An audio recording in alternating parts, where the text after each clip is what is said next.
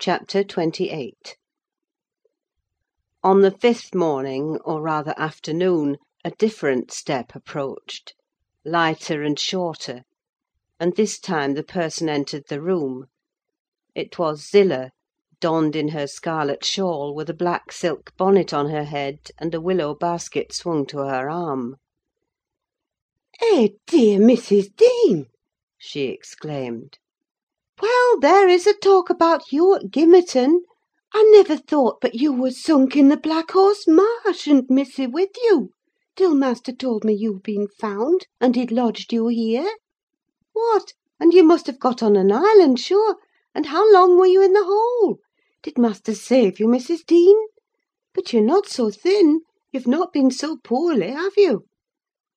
"Your master is a true scoundrel," I replied; "but he shall answer for it. He needn't have raised that tale: it shall all be laid bare." "What do you mean?" asked Zillah. "It's not his tale: they tell that in the village, about your being lost in the marsh; and I calls to Earnshaw, when I come in. 'Eh, there's queer things Mr. Hareton happened since I went off! It's a sad pity of that likely young lass, and cant Nelly Dean!' He stared. I thought he had not heard aught, so I told him the rumour. The master listened, and he just smiled to himself, and said, If they have been in the marsh, they are out now, Zillah. Nelly Dean is lodged at this minute in your room. You can tell her to flit when you go up: here is the key. The bog water got into her head, and she would have run home quite flighty; but I fixed her till she came round to her senses. You can bid her go to the Grange at once, if she be able, and carry a message from me, that her young lady will follow in time to attend the squire's funeral." "Mr. Edgar is not dead!" I gasped. "Oh, Zillah, Zillah!" "No, no, sit you down, my good mistress," she replied. "You're right thickly yet. He's not dead. Dr. Kenneth thinks he may last another day. I met him on the road, and asked."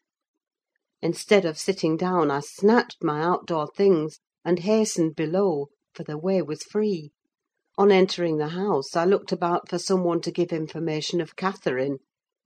The place was filled with sunshine, and the door stood wide open, but nobody seemed at hand.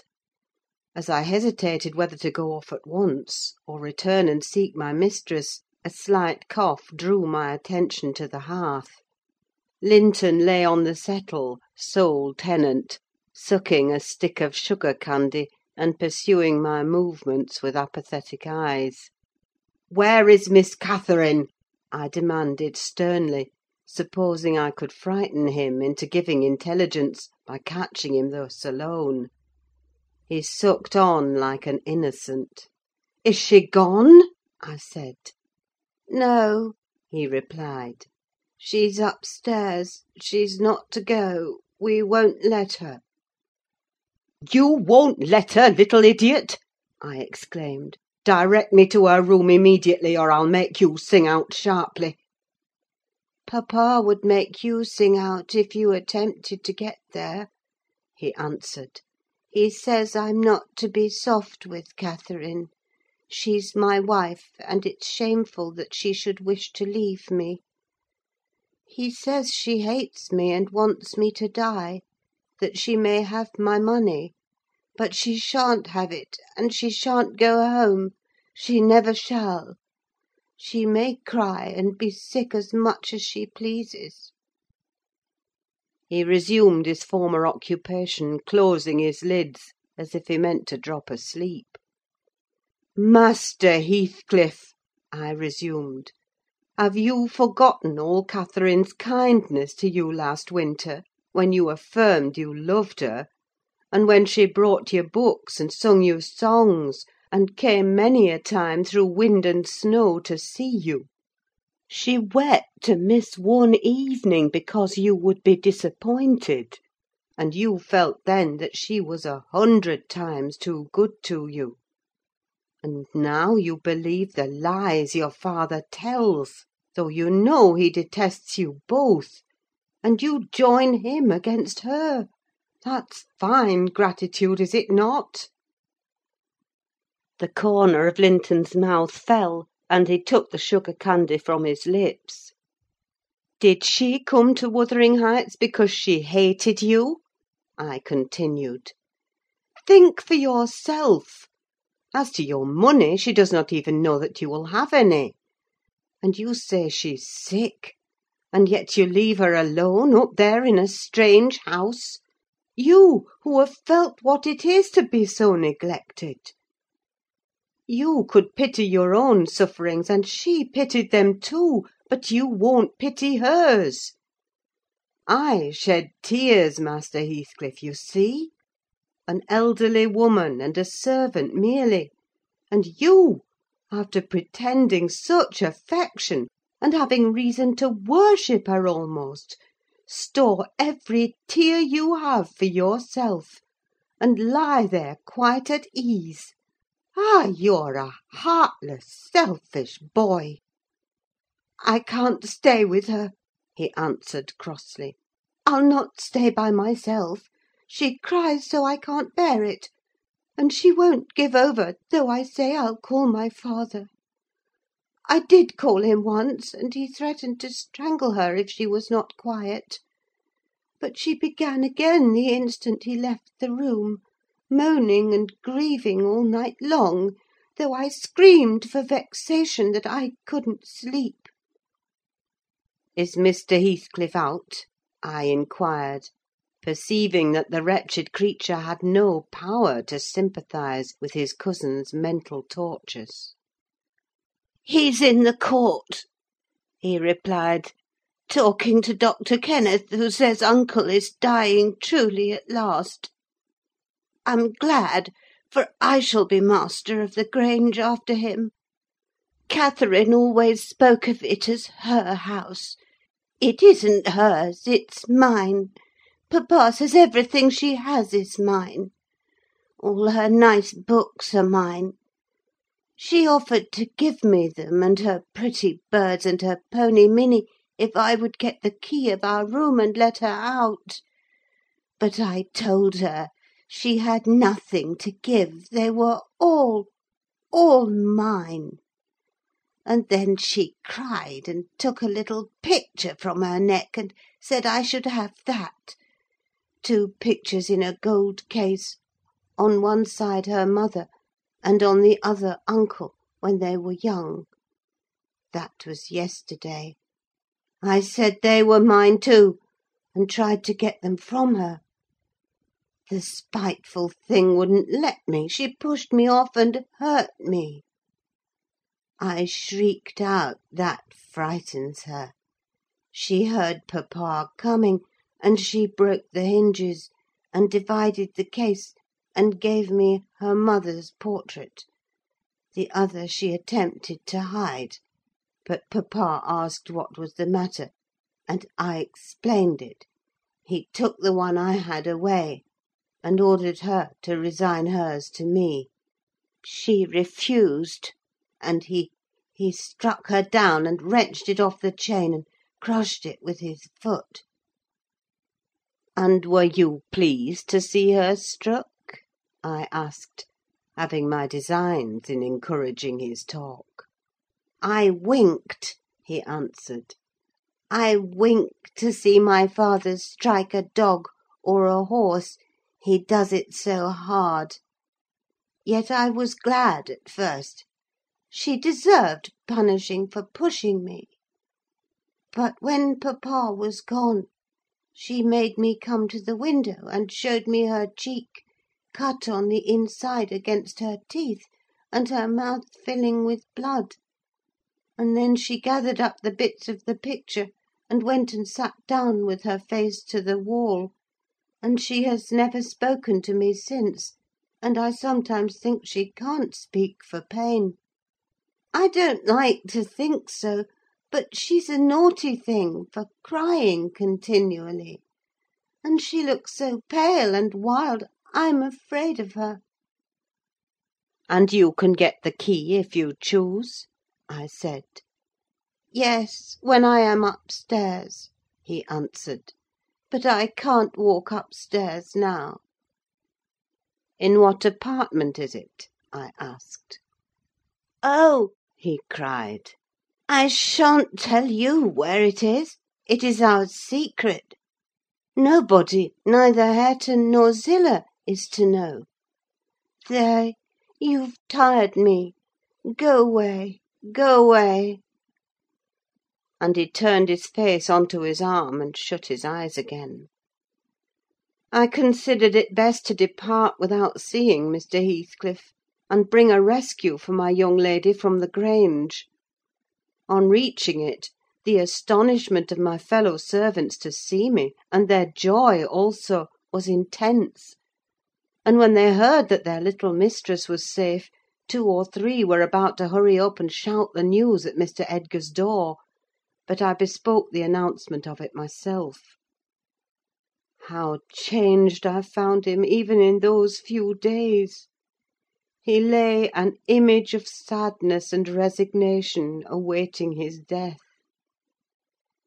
Very young he looked: though his actual age was thirty nine, one would have called him ten years younger, at least. He thought of Catherine, for he murmured her name. I touched his hand and spoke. "Catherine is coming, dear master," I whispered. "She is alive and well, and will be here, I hope, to night." I trembled at the first effects of this intelligence: he half rose up, looked eagerly round the apartment, and then sank back in a swoon. As soon as he recovered, I related our compulsory visit and detention at the Heights. I said Heathcliff forced me to go in, which was not quite true. I uttered as little as possible against Linton. Nor did I describe all his father's brutal conduct; my intentions being to add no bitterness, if I could help it, to his already overflowing cup. He divined that one of his enemy's purposes was to secure the personal property, as well as the estate, to his son, or rather himself; yet why he did not wait till his decease was a puzzle to my master, because ignorant how nearly he and his nephew would quit the world together. However, he felt that his will had better be altered: instead of leaving Catherine's fortune at her own disposal, he determined to put it in the hands of trustees, for her use during life, and for her children, if she had any, after her. By that means it could not fall to Mr. Heathcliff, should Linton die. Having received his orders, I despatched a man to fetch the attorney, and four more, provided with serviceable weapons, to demand my young lady of her gaoler. Both parties were delayed very late. The single servant returned first. He said Mr. Green, the lawyer, was out when he arrived at his house, and he had to wait two hours for his re entrance; and then Mr. Green told him he had a little business in the village that must be done, but he would be at Thrushcross Grange before morning. The four men came back unaccompanied. They brought word that Catherine was ill, too ill to quit her room, and Heathcliff would not suffer them to see her. I scolded the stupid fellows well for listening to that tale, which I would not carry to my master, resolving to take a whole bevy up to the Heights at daylight, and storm it literally, unless the prisoner were quietly surrendered to us. Her father shall see her, I vowed, and vowed again, if that devil be killed on his own door stones in trying to prevent it. Happily I was spared the journey and the trouble. I had gone downstairs at three o'clock to fetch a jug of water, and was passing through the hall with it in my hand, when a sharp knock at the front door made me jump. "Oh, it is Green!" I said, recollecting myself. "Only Green." and I went on, intending to send somebody else to open it; but the knock was repeated, not loud, and still importunately. I put the jug on the banister, and hastened to admit him myself. The harvest moon shone clear outside. It was not the attorney. My own sweet little mistress sprang on my neck, sobbing, "Ellen, Ellen! is papa alive?" "Yes," I cried, "yes, my angel, he is! God be thanked you are safe with us again!" She wanted to run, breathless as she was, upstairs to Mr. Linton's room; but I compelled her to sit down on a chair, and made her drink, and washed her pale face, chafing it into a faint colour with my apron. Then I said I must go first and tell of her arrival, imploring her to say she should be happy with young Heathcliff. She stared, but soon comprehending why I counselled her to utter the falsehood, she assured me she would not complain. I couldn't abide to be present at their meeting. I stood outside the chamber door a quarter of an hour, and hardly ventured near the bed then. All was composed, however: Catherine's despair was as silent as her father's joy. She supported him calmly in appearance, and he fixed on her features his raised eyes, that seemed dilating with ecstasy. He died blissfully, Mr. Lockwood: he died so. Kissing her cheek, he murmured, "I'm going to her, and you, darling child, shall come to us." And never stirred or spoke again, but continued that rapt, radiant gaze till his pulse imperceptibly stopped, and his soul departed. None could have noticed the exact minute of his death: it was so entirely without a struggle. Whether Catherine had spent her tears, or whether the grief were too weighty to let them flow, she sat there dry eyed till the sun rose. She sat till noon, and would still have remained brooding over that death bed, but I insisted on her coming away and taking some repose.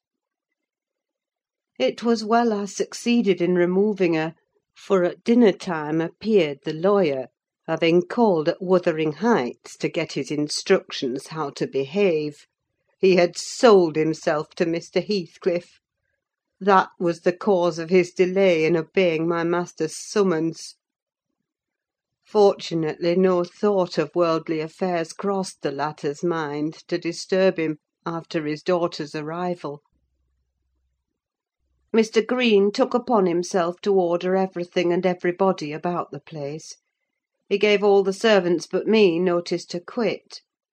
He would have carried his delegated authority to the point of insisting that Edgar Linton should not be buried beside his wife, but in the chapel with his family. There was the will, however, to hinder that, and my loud protestations against any infringement of its directions. The funeral was hurried over. Catherine (Mrs. Linton Heathcliff now) was suffered to stay at the Grange till her father's corpse had quitted it. She told me that her anguish had at last spurred Linton to incur the risk of liberating her. She heard the men I sent disputing at the door, and she gathered the sense of Heathcliff's answer. It drove her desperate. Linton, who had been conveyed up to the little parlour soon after I left, was terrified into fetching the key before his father reascended. He had the cunning to unlock and relock the door without shutting it; and when he should have gone to bed, he begged to sleep with Hareton, and his petition was granted for once. Catherine stole out before break of day. She dared not try the doors, lest the dogs should raise an alarm. She visited the empty chambers, and examined their windows; and luckily lighting on her mother's, she got easily out of its lattice and on to the ground, by means of the fir tree close by. Her accomplice suffered for his share in the escape, notwithstanding his timid contrivances.